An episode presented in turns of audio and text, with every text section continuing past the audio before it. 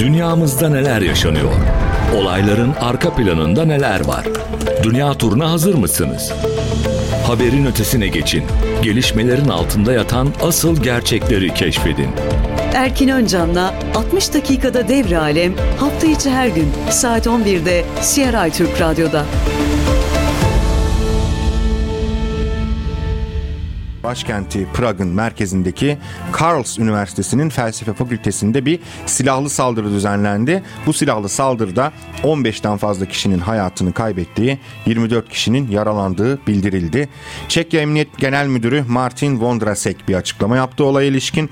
15 fazla, 15'ten fazla kişiden öldüğü, kişinin öldüğünü ve saldırganın da etkisiz hale getirildiğini e, söyledi. Saldırganın olayı gerçekleştirmeden önce büyük ihtimalle babasını da öldürdüğünü belirtti emniyet müdürü.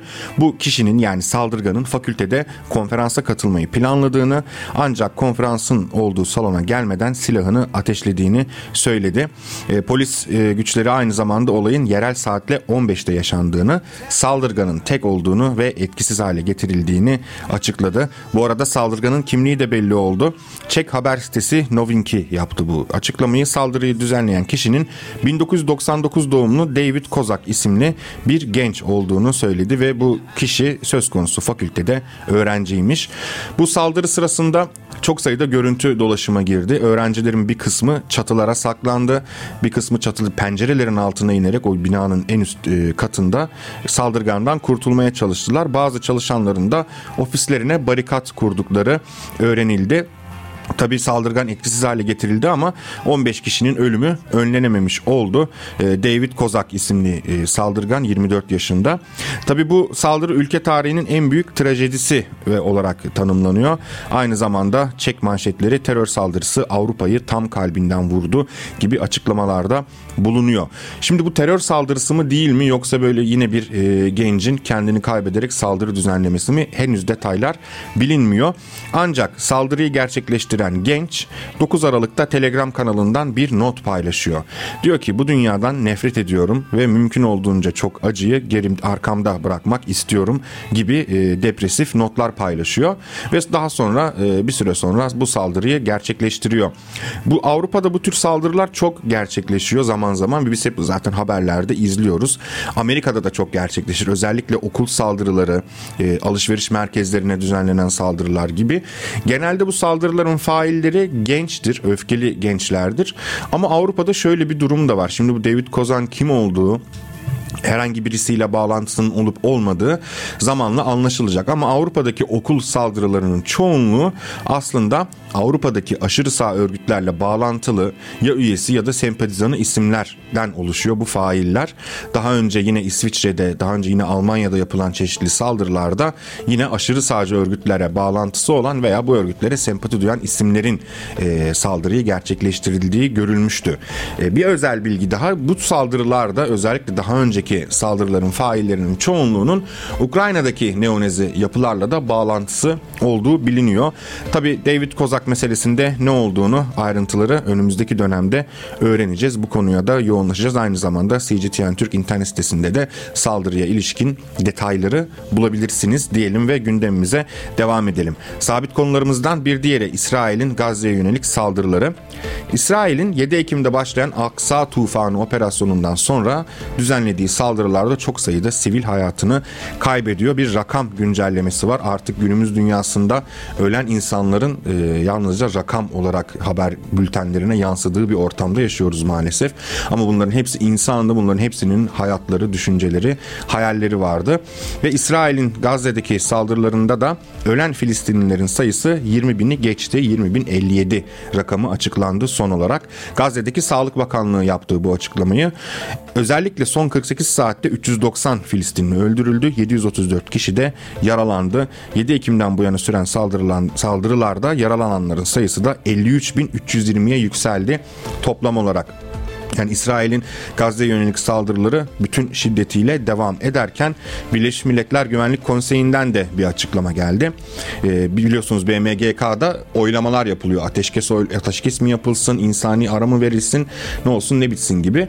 Ama bölgede insani bir adım atılması e, Birleşmiş Milletler nezdinde sürekli bir şekilde engelleniyor. Nedir bu engelin sebebi? Amerika Birleşik Devletleri. Birleşmiş Milletler Güvenlik Konseyi de son olarak Gazze'de insani yardımlara ilişkin e, müzakereler yürütüyordu. Ama anlaşma sağlanamayan kasa, karar tasarısının oylanması bir kez daha ertelendi. Kaçıncı defa ertelendi? Dördüncü kez bölgedeki insani krize ilişkin çözüm e, bulma çabası ertelendi. Birleşmiş Milletler kaynaklarından edinilen bilgiler var. Oylama yarına bırakıldı. Gelen bilgilere göre Amerika'nın Birleşmiş Milletler daimi temsilcisi Linda Thomas Greenfield, Birleşmiş Milletler Güvenlik Kurulu üyelerinin kapalı oturumundan sonra yaptığı bir açıklamada son bir haftadır Birleşik Arap Emirlikleri tarafından sunulan karar tasarısı üzerinde yoğun çalışmalar yürüttüklerini belirtmişti. Greenfield kabul edilmesi halinde kararın ihtiyaç sahiplerine insani yardım sağlayacağını, karar tasarısının talep ettikleri değişikliklerle birlikte sunulması halinde tasarıyı destekleyeceklerini dile getirmişti. Ama beklenen oylama gerçekleşmedi ve dördüncü kez ertelenmiş oldu. Çatışmalara ara talebi veriliyordu. Daha önce bir ara e, denemesi yapılmıştı ama İsrail ara uzatılsa da hemen saldırılarına kaldığı yerden devam edilmişti. Artık çatışmalara ara talebi kalktı Birleşmiş Milletler nezdinde. Acil yardım ve acil adım atılması çağrıları geldi ilk hali karar tasarısının tartışma yaratmıştı ve Amerika'nın itirazıyla karşılaşmıştı. Neydi bu itiraz hususlarından biri? İnsani yardımların engelsiz erişimi için çatışmalara ara verilmesi talebi olmuştu. Yani Türkçesi nedir bunun? Amerika bölgeye ilişkin insani insani bazı adımların atılmasını savunuyor ama bir yandan da diyor ki hayır çatışmalara ara verilmesin İsrail saldırılarını sürdürsün. E, bu yeni tasarıda da bunun yerine Gazze'de genişletilmiş insani yardımların kesinti kesintisiz ve güvenli erişimi için acil adım atılması ve çatışmalara sürdürülebilir bir şekilde ara verilmesi için gerekli koşulların oluşturulması çağrılarına yer verdi. Şimdi e, bu programda sıkça aslında uluslararası e, organizasyonların aldığı kararların tartıştıkları şeylerin Türkçelerini de aslında anlatıyoruz. Yani burada Türkçesi diyor ki ateşkes çağrısında bulunmayın, insani ara verilmesin Amerika'nın talebi. Acil yardım için gerekli adım, adımların atılması e, düşünülsün, planlansın gibi meseleyi biraz daha bulanıklaştıran, biraz daha e, tartışmaları grileştiren ve sorunların çözümünü daha da geleceğe ileten bir tavır söz konusu Amerika'dan gelen. Tartışma yaratan bir diğer konuda karar tasarısındaki BM Genel Sekreterinden yardımların denetlenmesi için bir mekanizma kurulması talebiydi. Şimdi Birleşmiş bu neden tartışma yarattı? Eğer Birleşmiş Milletler nezdinde bir komisyon kurulursa ve bu denetlemeye açılırsa uluslararası toplum tarafından bölgedeki aslında zaten bildiğimiz insan hakları ihlalleri bu sefer resmi olarak kayıt altına alınacaktı. Bu da karşı çıkılan bir şey. Koordinatör atamasının da bir an önce yapılması çağrısında bulunuyor bu arada tasarıda.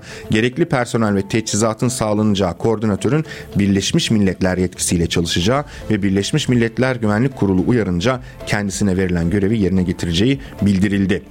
Bu arada karar tasarısında koordinatörün Birleşmiş Milletler Güvenlik Kurulu'na çalışmalar hakkında ilk 20 günün ardından bilgi vermesi istendi ve tüm taraflara koordinatörlerle işbirliği halinde hareket etme çağrısı yapıldı. Birleşmiş Milletler nezdinde İsrail Gazze veya İsrail Filistin hattında bugüne kadar o kadar çok e, girişim, çağrı, e, niyet beyanı yapıldı ki e, bunlar artık acil somut bir adım atılmadığı halde ha, tamamen böyle havada kalan e, iyi niyet göstergeleri olarak kalıyor. Kaldı ki Birleşmiş Milletler'in İsrail'i yerleşimcilerle ilgili de kararı var. Bu yerleşimlerin hukuksuz olduğunu, insan haklarına ve uluslararası hukuka uymadığına ilişkin zaten bir Birleşmiş Milletler kararı var. Ama buna uyulmuyor, uyuluyor mu? Uyulmuyor. Demek ki mesele sadece sahada kimin ne adım attığı ile ilgili. Siz uluslararası kuruluşlarda ne karar alırsanız alın. Saha yani o pratik belirleyici olduğu için bugün bu yüzden İsrail saldırılarına devam edebiliyor ve saha belirleyici olduğu için bugün e, bütün Filistin direniş örgütleri Hamas'ın yanında duruyor ve yine sahadaki durum belirleyici olduğu için Hizbullah Lübnan'ın güneyinde İsrail'in saldırganlığına direnmeye devam ediyor. Ama bu son tartışmalarda da yardımların erişimi ön plana çıktı. Yani ara verilsin, İsrail saldırıları dursun gibi değil. Yardımlar daha iyi eriştir, eriştirilsin deniyor. Nasıl erişecek bu yardımlar peki? İsrail'in yoğun bombardımanı devam ederken yalnızca Gazze'lilere de değil Gazze'deki BM misyonunun bulunduğu bölgelere de bombardımanda bulunuyor İsrail güçleri. Hatta kendi esirlerinin bulunduğu bölgeye de bombardımanda bulunuyorlar. Yani çok yoğun bir saldırganlık ve e, tartışılan şey de şu. Gazze'deki sivil topluma yardımların yeterli miktarda aktarılması gerektiğinin altı çizilmiş. Yani bunun altı çizilse ne olur, çizilmese ne olur diyesi geliyor insanın. Çünkü Gazze'de sivillerin e, insani yardımı yeterli miktarda almasından önce hayatta kalıp kalmama gibi e, sorunları var. Karar tasarısında da gıda, su, temizlik malzemesi, elektrik, telekomünikasyon ve tıbbi servisler de dahil edilmiş bu yardımlara. Bütün bu başlıklar gıda, Gazze'ye insani yardımlar zaten engelleniyor. Su, bölgenin suyu kesiliyor ve tünel İsrail güçleri tünelleri sularla doldurduğu için bu altyapısını da etkiliyor Gazze'nin. Temizlik malzemesi zaten bulunmuyor. Özellikle elektrik ve telekomünikasyon yani İsrail Gazze bölgesinin elektriğini zaten kesiyor. Oraya elektrik ve telekomünikasyon hizmetleri bağlansın demek ne demek? E, bunu İsrail güçleri yapsın demek. Çünkü İsrail'e karşı bir yaptırım öngörüsü, öngörüsünde bulunmuyor şu anda Birleşmiş Milletler. Dolayısıyla bunlar lafta kalan e, meseleler oluyor çoğu zaman. Aynı zamanda tasarıda e, Gazze'ye yönelik yardımların ve e, ithalatın tekrar başlamasının önemine değinilmiş. Evet çok önemli. İnsani yardım gerekiyor demişler ama yine somut bir şey var mı? Yok. Yardımların sapma olmadan sivil halka ulaştırılması gerektiği vurgulanmış.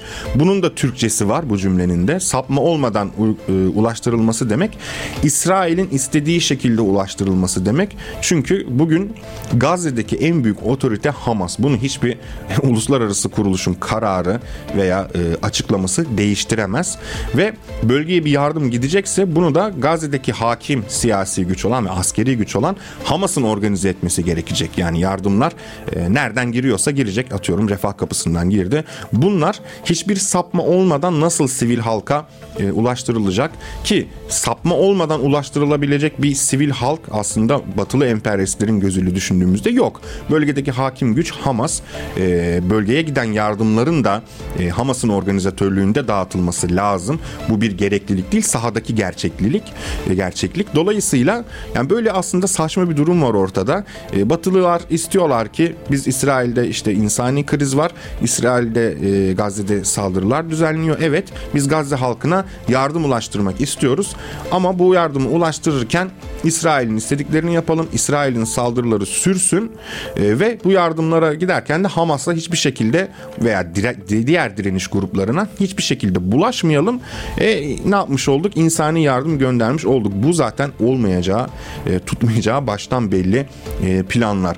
Bölgede Hamas'ın e, siyasi e, liderliği veya siyasi yönetiminde olduğu kabul edilmeden ya da yine aynı şekilde bölgede bir şey yapılacaksa insani anlamda bunun doğrudan Hamas'la işbirliği halinde e, olmadığı takdirde gerçekleştirilmeyeceğini e, herkes gibi uluslararası toplum işte bu dünyayı yöneten kurullar da biliyor. Ama niye bunu açıkça dile getirmiyorlar? Çünkü gerçek bir yardımın organize edilebilmesi için bir İsrail'in saldırılarının durması lazım. İki e, bölgede Hamas'la işbirliği halinde çalışılması lazım. Bu arada Birleşmiş Milletler Genel Sekreteri Guterres de görev süresi boyunca yetkisini ilk kez kullanarak Gazze'deki insani felaketin önlenmesi için Birleşmiş Milletler şartının 99. maddesini işletmiş ve 6 Aralık'ta Güvenlik Kurulu'na mektup göndermişti. Mektubunda diyor ki Güvenlik Konseyi üyelerinin insani felaketin önlenmesi için baskı yapmaya çağırıyorum ve insani ateşkesin ilan edilmesi talebimi tekrarlıyorum. Bu çok acil demişti. E, ancak Amerika reddediyor söylediğimiz gibi Birleşmiş Milletler Genel Kurulu'nda 13 Aralık'ta 153 ülkenin evet oyu kullandığı Gazze'de acil ateşkes talebinde bulunan karar tasarısı için hayır demişti. Aynı Amerika insani yardımda bulunalım diyor bu arada bölgeye ve hayır diyen 10 ülkeden biri olmuştu. Yine Amerika daha önce 16, 18 ve 25 Ekim tarihlerinde yine Birleşmiş Milletler Güvenlik Kurulu'nda Gazze'ye ilişkin sunulan e, karar tasarılarını da veto etmişti.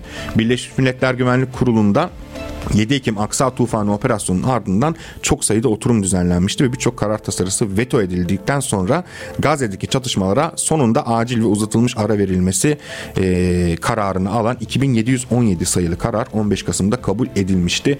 Bu insani ara sonucunda esir takasları da yapılmıştı. Orada ortaya çıktı ki İsrail'in elinde tuttuğu Filistinli esirler çok zor koşullarda kalırken Hamas'ın elinde tuttuğu İsrailli esirler Hamas militanlarına el sallayarak, sarılarak vedalaşıyorlardı. Bu bile birçok şeyi aslında gösteriyor.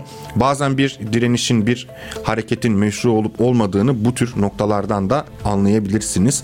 İsrail'in elindeki esirler arasında e, çok sayıda tanıklık gördük biz işkenceye dair, kötü muameleye dair ama Filistin'in elindeki İsrailli esirler kendilerine hiçbir şekilde kötü davranılmadığını tekrar tekrar söylemişlerdi. Hatta bunu İsrail medyasına yaptığı açıklamalarda belirtmişlerdi. Evet Gazze gündeminden devam ediyoruz. Bu arada Hamas'ın askeri kanadı Kassam Tugaylarında bir açıklama var. Elinde tuttuğu İsrail esirlerden üçünün İsrail tarafından öldürüldüğünü duyurdu. Kassam Tugayları sözcüsü Ebu Ubeyde'nin savaşın 26 gününü değerlendirdiği ve İsrail'in savaşı durdurmadan esirleri geri alamayacağını yinelediği bir açıklaması oldu ve 3 askerle ilgili bir video yayınlandı. Videoda onların hayatlarını koruma konusundaki kararlılığımıza rağmen İsrail Başbakanı Netanyahu onları öldürmekte ısrar ediyor ifadeleri yer alıyor. Kimdi bunlar? İsrailli Elia Toledano, Nick Beazer ve Don Sherman isimli İsrailli esirler. Bu ise esirlerin videoda görüntüleri yer alıyordu ve videonun sonunda üçü de sizin ordunuz tarafından öldürüldü ifadeleri yer veriyor ama tabi nerede ve ne şekilde öldürüldüklerine ilişkinde bir bilgi paylaşılmadı. Kassam Tugayları daha önce de Filistin'in direniş güçlerinin elindeki esirlerin İsrail tarafından öldürüldüğünü duyurmuştu. İsrail'in lideri Netanyahu da bugün yaptığı basın açıklamasında Gazze'de devam eden saldırı ve katliamlarını sonuna kadar sürdüreceklerini vurguladı ve duracağımızı düşünenlerin gerçeklikle bağlantısı yok dedi. E şimdi İsrail'in Filistinlilerin elindeki İsrailli esirlere ilişkin e, cinayetleri zaten biliniyor. Kaldı ki İsrailli esir yakınları da bunu dile getiriyor. Ne olmuştu geçen hafta Netanyahu ile İsrailli esirlerin yakınları arasında bir toplantı gerçekleştirilmişti. Bu toplantı aslında İsrail liderliği için bir PR toplantısı olarak kurgulanmıştı. Yani PR'dan kastımız ne? Biz işte esirleri kurtarıyoruz, İsrail için en iyisini düşünüyoruz gibi reklam çalışmasıydı aslında. Ama o toplantıda esirler, toplantı esir yakınları toplantıyı terk ettiler bir kısmı. Çünkü iki önemli mevzu var burada. Birincisi Netanyahu e, esirlerin hepsini de kurtaramayız gibi bir açıklamada bulunarak tepki çekmişti. İkincisi de daha sonra Amerikan basınının da doğruladığı üzere İsrail güçleri Hamas'a ait olduğu söylenen Gazze'deki tünelleri su doldurmaya başladı.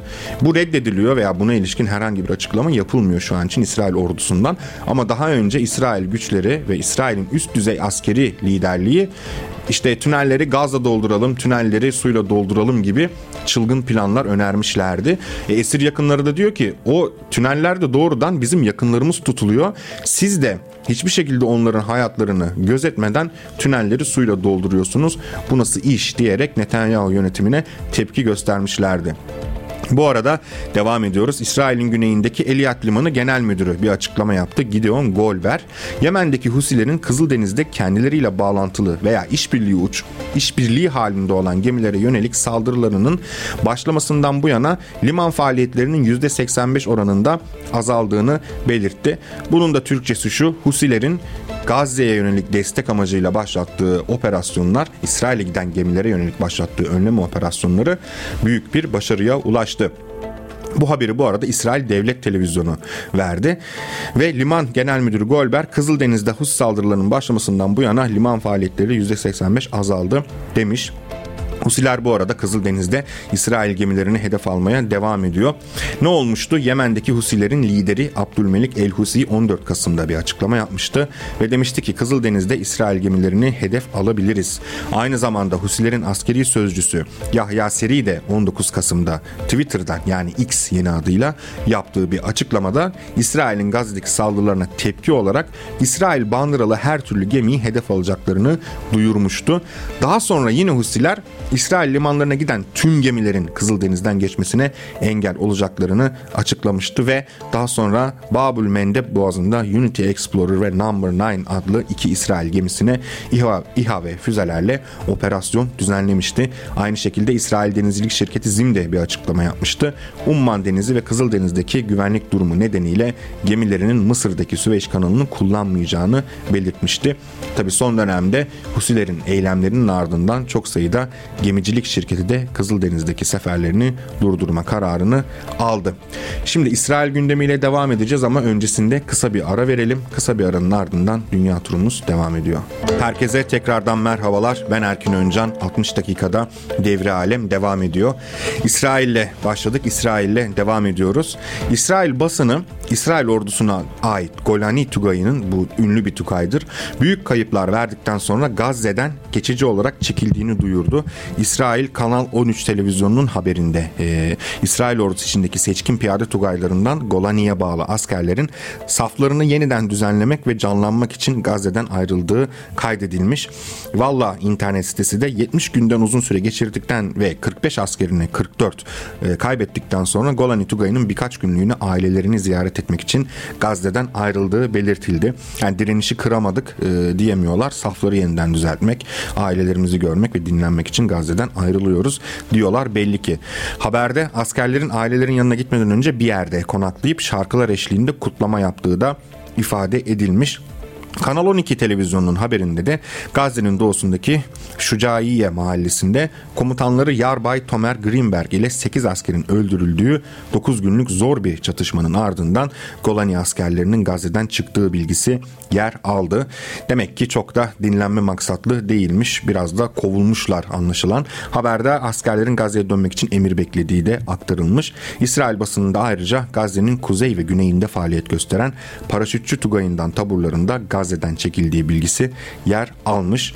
İsrail basınında 13 Aralık'ta yer alan haberlerde de Hamas'ın askeri kanadı Kassam Tugaylarının Şucaiye mahallesinde kurduğu pusuda çok sayıda askerin öldüğü ve yaralandığı bilgisi de geçilmişti. İsrail ordusu da yaptığı açıklamada kurulan pusuda bu Tugay'dan yani Golani Tugay'ından 9 askerin öldüğünü, 4'ünün de ağır yaralandığını duyurmuştu. Şimdi İsrail Gazze'yi uzun yıllar boyunca çok yoğun ablukada e, tuttu. Onların sadece bu Aksa Tufanı operasyonuyla başlayan çatışmalar sürecinde de değil. Öncesinde de Gazze'yi ağırlıklı olarak bir açık hava hapishanesi olarak kullanmaya çalıştı ve Gazze halkı da ve bölgedeki direniş grupları da buna göre konumlandı. Hazırlıklarını buna göre yaptılar. Gazze haritada baktığımızda İsrail'in neredeyse içinde denizin kenarında küçücük bir bölge olarak e, görülüyor ama her zorluk benzer tecrübeleri ve benzer çözümleri de beraberinde getirir. Dolayısıyla öyle kolay değil. Orada çok uzun yıllardır devam eden bir e, direniş var. Askeri tecrübe var e, günden güne, yıldan yıla biriken. Herkesin direnişçi olduğu bir iklim söz konusu. Çünkü orada bir özgür Filistin davası devam ediyor. Dolayısıyla seçkin birlikler, paraşüt tugayları, e, güçlü tanklar vesaire e, direnişi her zaman kıramıyor diyerek e, İsrail gündeminden e, ayrılıyoruz ve dünya turumuzda rotamızı Amerika'ya doğru çeviriyoruz. Eski Amerikan Başkanı Donald Trump'ın avukatı iflas açıkladı. Avukat Rudy Giuliani ünlü bir avukattır bu açıklamalarıyla da sık sık gündeme geliyordu. Geçen hafta mahkemenin ödeyeceği tazminat miktarının açıklamasının ardından yaptı bu iflas açıklamasını. İflas mı etti yoksa bilir, biliyorsunuz iflas ilan etmek bazı borçlardan ödemelerden ve bu tür cezalardan kurtulmanın da e, bir taktik hamlesidir. Bu da olabilir. Hakaret suçlamasıyla aleyhinde bir dava açılmıştı ve mağdurlara yaklaşık 150 milyon dolar tazminat ödemesine hükmedilmişti. Giuliani de ben ödeyemem bunları ben iflas ediyorum gibi bir e, aslında iktisat dünyasında, mali dünyada bir şeydir. E, satranç hamlelerinden biridir iflas ilan etmek. Bir şekilde iflas ilan ettiğini açıklamış belli ki. Giuliani'nin danışmanlarından Ted Goodman da İflas açıklamasının Giuliani'ye iflas mahkemesinin gözetimi altında mali durumun şeffaflığını sağlarken temiz başvurusunda bulunma fırsatı ve zamanı vereceğini söylemiş. Ayrıca Associated Press ajansının haberine göre de iflas yasasının başkasına verilen kasıtlı ve kötü niyetli bir zarar sonucu oluşan borçların silinmesine izin vermediği de hatırlatılmış.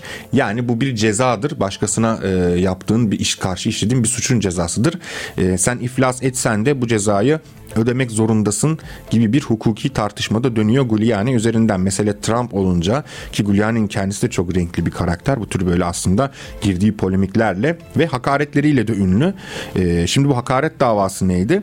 Amerika'da 2020'de e, yaşanıyor. Başkanlık seçimleri sırasında Georgia eyaletinde görev yapan Ruby Freeman ve kızı Vandria Arshey Moss Giuliani tarafından oy pusulası sayımı sırasında Trump aleyhine sahtekarlık yapmakla itham edilmişti. Hedef gösterilmişlerdi. Freeman ve Moss kendilerine iftira atıldığını, can güvenliklerinin tehlikeye girdiğini belirterek Aralık 2021'de avukat Giuliani hakkında hakaret davası açmıştı. Giuliani bu arada eski New York Belediye Başkanı geçen ay Freeman ve Moss'un 2020'deki e, sahtekarlık e, hakareti konusunda kamuoyuna yalan beyanda bulunduğunu kabul etmişti. Ama bu sözlerim ifade özgürlüğü tarafından korunuyor da demişti.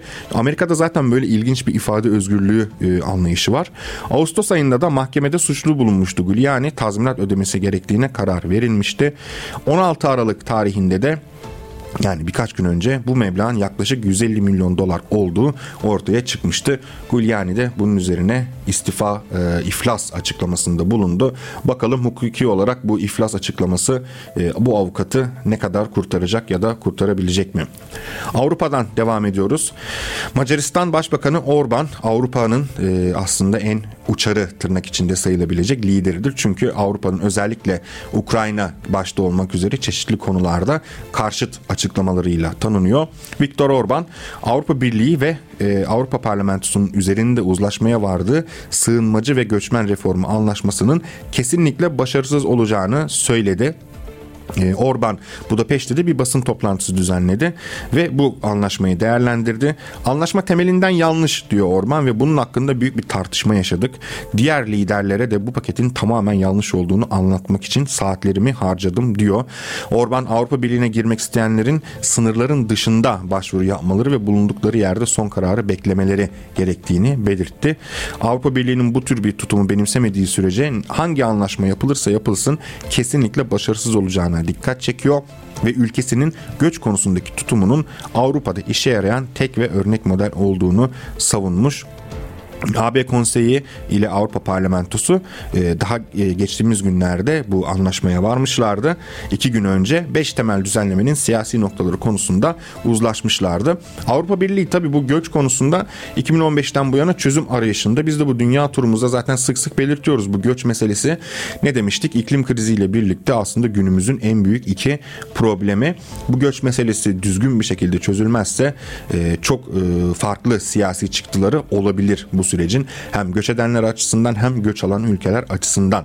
Ee, Avrupa Birliği de 2015'te yaşanan bir göç krizi vardı hatırlarsanız. Bu göç krizinden bu yana e, şunu tartışıyor. Bu göçmenler üye ülkeler arasında nasıl dağıtılacak? İltica başvuruları reddedilenler nasıl geri gönderilecek? E bu meselede Türkiye'de de Avrupa için önemli bir yer kaplıyor. Çünkü Türkiye'yi de bir anlamda e, göçmen açık hava cezaevine çevirmeye çalışıyor. Avrupa bu bağlamda Türkiye'ye çok e, büyük miktarlarda fon da ödüyor ediyor aynı zamanda. E, Avrupa Birliği Komisyonu bu hedefle göç ve iltica anlaşması hazırladı ve bu Macaristan örneğinde olduğu gibi üye ülkelerin farklı tutumları nedeniyle bir türlü kabul edilemiyordu. Fransa'nın Avrupa Birliği dönem başkanlığı sürecinde de pakette ilerleme sağlanması için adım adım yaklaşımı diye bir e, yaklaşım gerçekleştirdiler. Yani bu paketi toptan tartışmayalım. Adım adım herkesin kabul edebileceği unsurları öne çıkararak ve bunları kabul ederek biraz ısıtalım hani bu meseleyi gibi bir tavır gelişmişti. E, bunun üzerine bakanlar 8 ve 9 Haziran'daki toplantılarda anlaşmanın zorunlu dayanışma mekanizması gereğince göçmenlerin Avrupa Birliği ülkelerine adil dağıtımı, göçmen kabul etmeyen ülkelerin her kişi başına ev sahipliği yapan ülkeye 20 bin euro ödemesini öngören kuralların üzerinde çoğunlukla anlaşma sağlanmıştı. Tabi daha önce de e, dile getirdik programımızda ama Avrupa Birliği'nin bana kalırsa asıl tartışması gereken şey e, tabii ki bu göçmenlerin ne olacağını tartışılması ve organize edilmesi gerekiyor.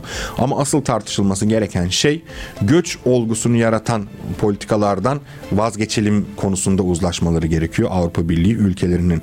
Avrupa Birliği ülkelerini ve Amerika'yı düşündüğümüzde bunlara zaten biz kolektif batı e, ülkeleri adını veriyoruz ve bunlar zaten dünyanın neredeyse her bölgesinde kendi çıkarları uğruna bölgedeki halklara ve ülkelere e, baskı uygulayan, kimi zaman darbeler organize eden, kimi zaman e, ekonomik anlaşmalarla çok büyük bir sömürü çarkının içerisine e, attıkları, kimi zaman da askeri operasyon düzenledikleri ülkeler. Yani Avrupa'nın göç aldığı ülkelerin hepsi, istisnasız hepsi zamanında herhangi bir Avrupa ülkesinin ya sömürgesi ya işgal ettiği ya da e, siyasi baskı altında tuttuğu bir ülke. Şimdi böyle bir etki tepki mekanizması da var göç olgusunda. Yalnızca e, biz sadece meselenin insani tarafını görmeye eğilimliyiz doğal olarak.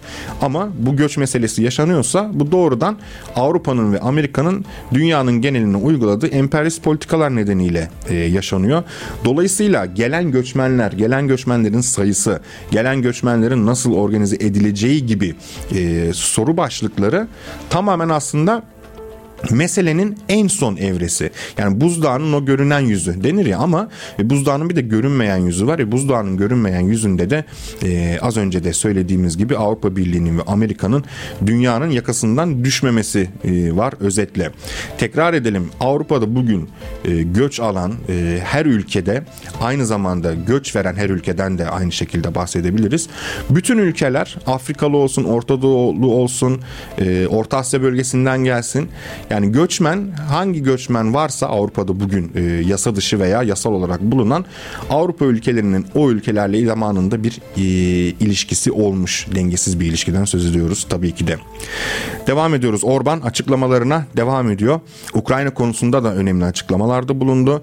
Ukrayna'yı AB'ye bir soru yöneltiyor ve diyor ki Avrupa Birliği'nin Ukrayna ile müzakerelerine başlama kararını yorumluyor ve e, Rusya'nın da e, ele geçirdiği bölgelerle mi birlikte kabul edeceksiniz diyor e, Ukrayna'yı.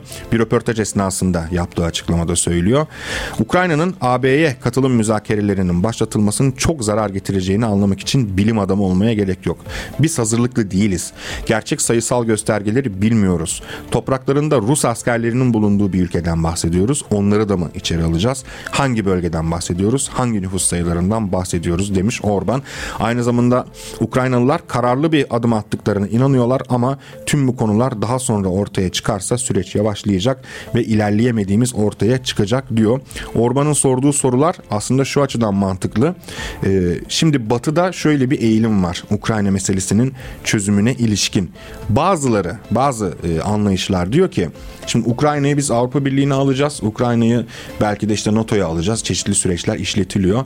E, ama tam da Orban'ın sorduğu noktada bölgede Rusya'nın e, kontrolünde olan coğrafyalar var ve ülkenin doğusu tamamı neredeyse Donbas ve Donetsk ve Lugansk bölgeleri Rusya'nın kontrolünde.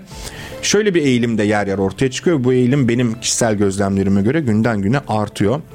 Ruslar aldıkları yerler Rusların olsun. Ee, Ukrayna'nın geri kalanını da e, şey alalım. Bu Avrupa Birliği'ni alalım. Bu iş e, huzura ersin diyor. Böylelikle hem Ruslara da itiraz etmiyor. Ele geçirdikleri bölgeleri sizin olsun diyor. Ama siz de Ukrayna'nın NATO'ya veya AB'ye katılımını kabul edin gibi bir teklifle yaklaşmaya çalışıyorlar. Bu birinci anlayış. İkinci eğilim ise aslında biraz Rusya'nın da e, daha böyle politikalarına uygun bir eğilim. Bunu daha çok Avrupa'da merkez siyasetçiler, e, daha liberal karşıtı olan siyasetçiler savunuyor. Belki de sağcılar. Diyorlar ki Ukrayna'nın Rusya ve NATO arasında bir tampon bölgesi olması lazım. Doğrudan sınır ilişkilerinin e, bulunması gerilimi artıracaktır. Dolayısıyla Ukrayna'yı NATO'ya falan almayalım, yardımda da bulunmayalım. Rusya nereye alıyorsa alsın gibi bir anlayış da var. Rusya zaten doğrudan Ukrayna'nın ülkenin doğusundaki Ruslara yönelik politikaları nedeniyle bu operasyon operasyonu başlatmıştı. Yani e, tartışmalar devam ediyor özetle. Avrupa Birliği yine her konuda olduğu gibi bu konuda da meselenin özünü tartışmaktan kaçınıyor. Çünkü meselenin özünü tartışmak Avrupa bugün Avrupa'yı yöneten siyasi elitlerin e, varlık sebebini de tartışmaya açacak. Dolayısıyla bu konulara girmeden insani yardımlar, işte Rusya yılmacılığı, Orta Doğu için düşünürsek İsrail'e karşı terör eylemleri falan diyerek biraz böyle gündemlerini döndürmeye çalışıyorlar. Orban da Avrupa içerisinde biraz böyle e, her şeyi açıkça e, konuşan bir lider.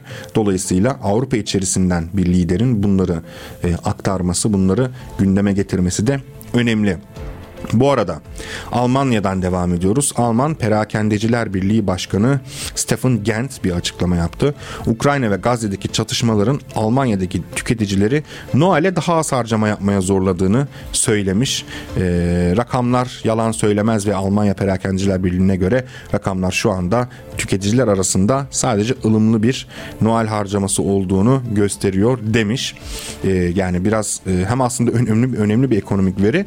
E, bu Ukrayna ve Gazze meselesinde e, yapılan e, uygulanan emperyalist politikaların doğrudan Avrupa halklarını vurmasını göstermesi açısından önemli bir örnek ama e, bir yandan da e, biraz da dert bu mu diye sorası geliyor insanın. Yani o iki bölgede çok yoğun savaşlar yaşanıyor ama işte Almanların Noel harcamaları azalmış. E, aman ne büyük e, sıkıntı diyerek devam ediyoruz gündemimize.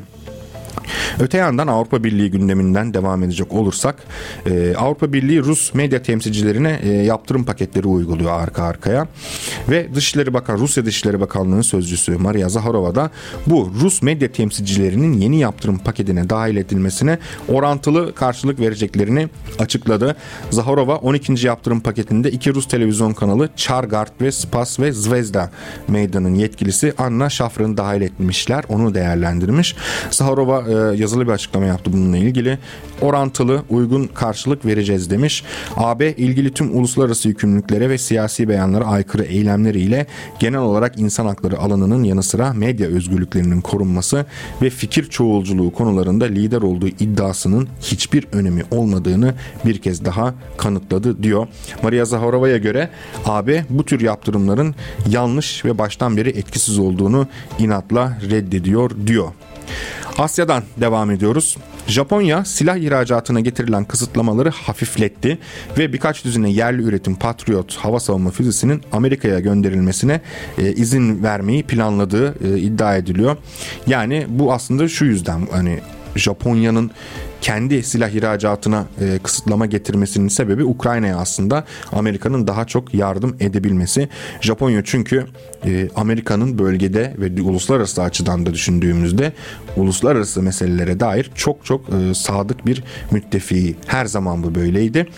Ve e, Patriot hava savunma sistemi de Amerika'nın Kiev'e bugüne kadar tedarik edilen en gelişmiş silahlarından ve Japonya'da hani silahlarını Amerika üzerinden e, Ukrayna'ya gönderilme planlarına da bir anlamda dahil olmuş oldu. Çünkü e, Amerika'nın da üretim ve mali kapasite açısından düşündüğümüzde Ukrayna'ya yapılan e, silahlar, e, silah yardımları önemli bir e, darbe vuruyor Amerikan ekonomisine de. Evet bugünün son gündemi yine Avrupa'dan olsun. Avrupa, Amerika ve İsrail ağırlıklı bir dünya turu e, yaptık bugün. Ukrayna, Moldova ve Gürcistan AB yolculuğuna çıkarılmıştı. Hatırlarsanız Gürcistan'a aday üye statüsü verildi. Moldova ve Ukrayna ile ilgili de süreç devam ediyor. Yani e, görüşmeye başlandığı artık resmiyete kavuşturuldu. Ama Fransa Dışişleri Bakanlığı'nın Avrupa işlerinden sorumlu Devlet Bakanı Laurence Boone bir açıklama yaptı. Dedi ki e, bu ülkelerin Avrupa Birliği'ne katılımı topluluk standartlarına uymadan mümkün değil diyor. Yani biz sizle ilgili süreçleri başlattık ama bizim standartlarımıza uymazsanız almayız. Bunu da unutmayın demiş oluyor e, Fransız e, yetkili. Yani zaten bu şu demek bu ülkelerin Avrupa Birliği'ne katılımının iki amacı var. Birincisi e, Rusya'nın politik olarak çevrelenmesi daha fazla. İkincisi bu ülkelerin e, eski Sovyet coğrafyası olduğu için bu ülkelerin bütün e, hem siyasi olarak hem de ekonomik olarak Avrupa'ya daha faydalı, daha sömürüye açık bir hale getirilmesinin e, planlanması. Bu yüzden uyun uyun uyun diyorlar standartlarımıza yoksa almayız diyorlar. Evet bugünkü dünya turumuz haftanın son dünya turuydu. Bugün e, burada dünya turumuz sona eriyor. Önümüzdeki pazartesi her gün olduğu gibi hafta içi saat 11'de 60 dakikada devre alemde birlikte olacağız. Şimdilik veda ediyoruz. Hoşçakalın. Pazartesi görüşmek üzere.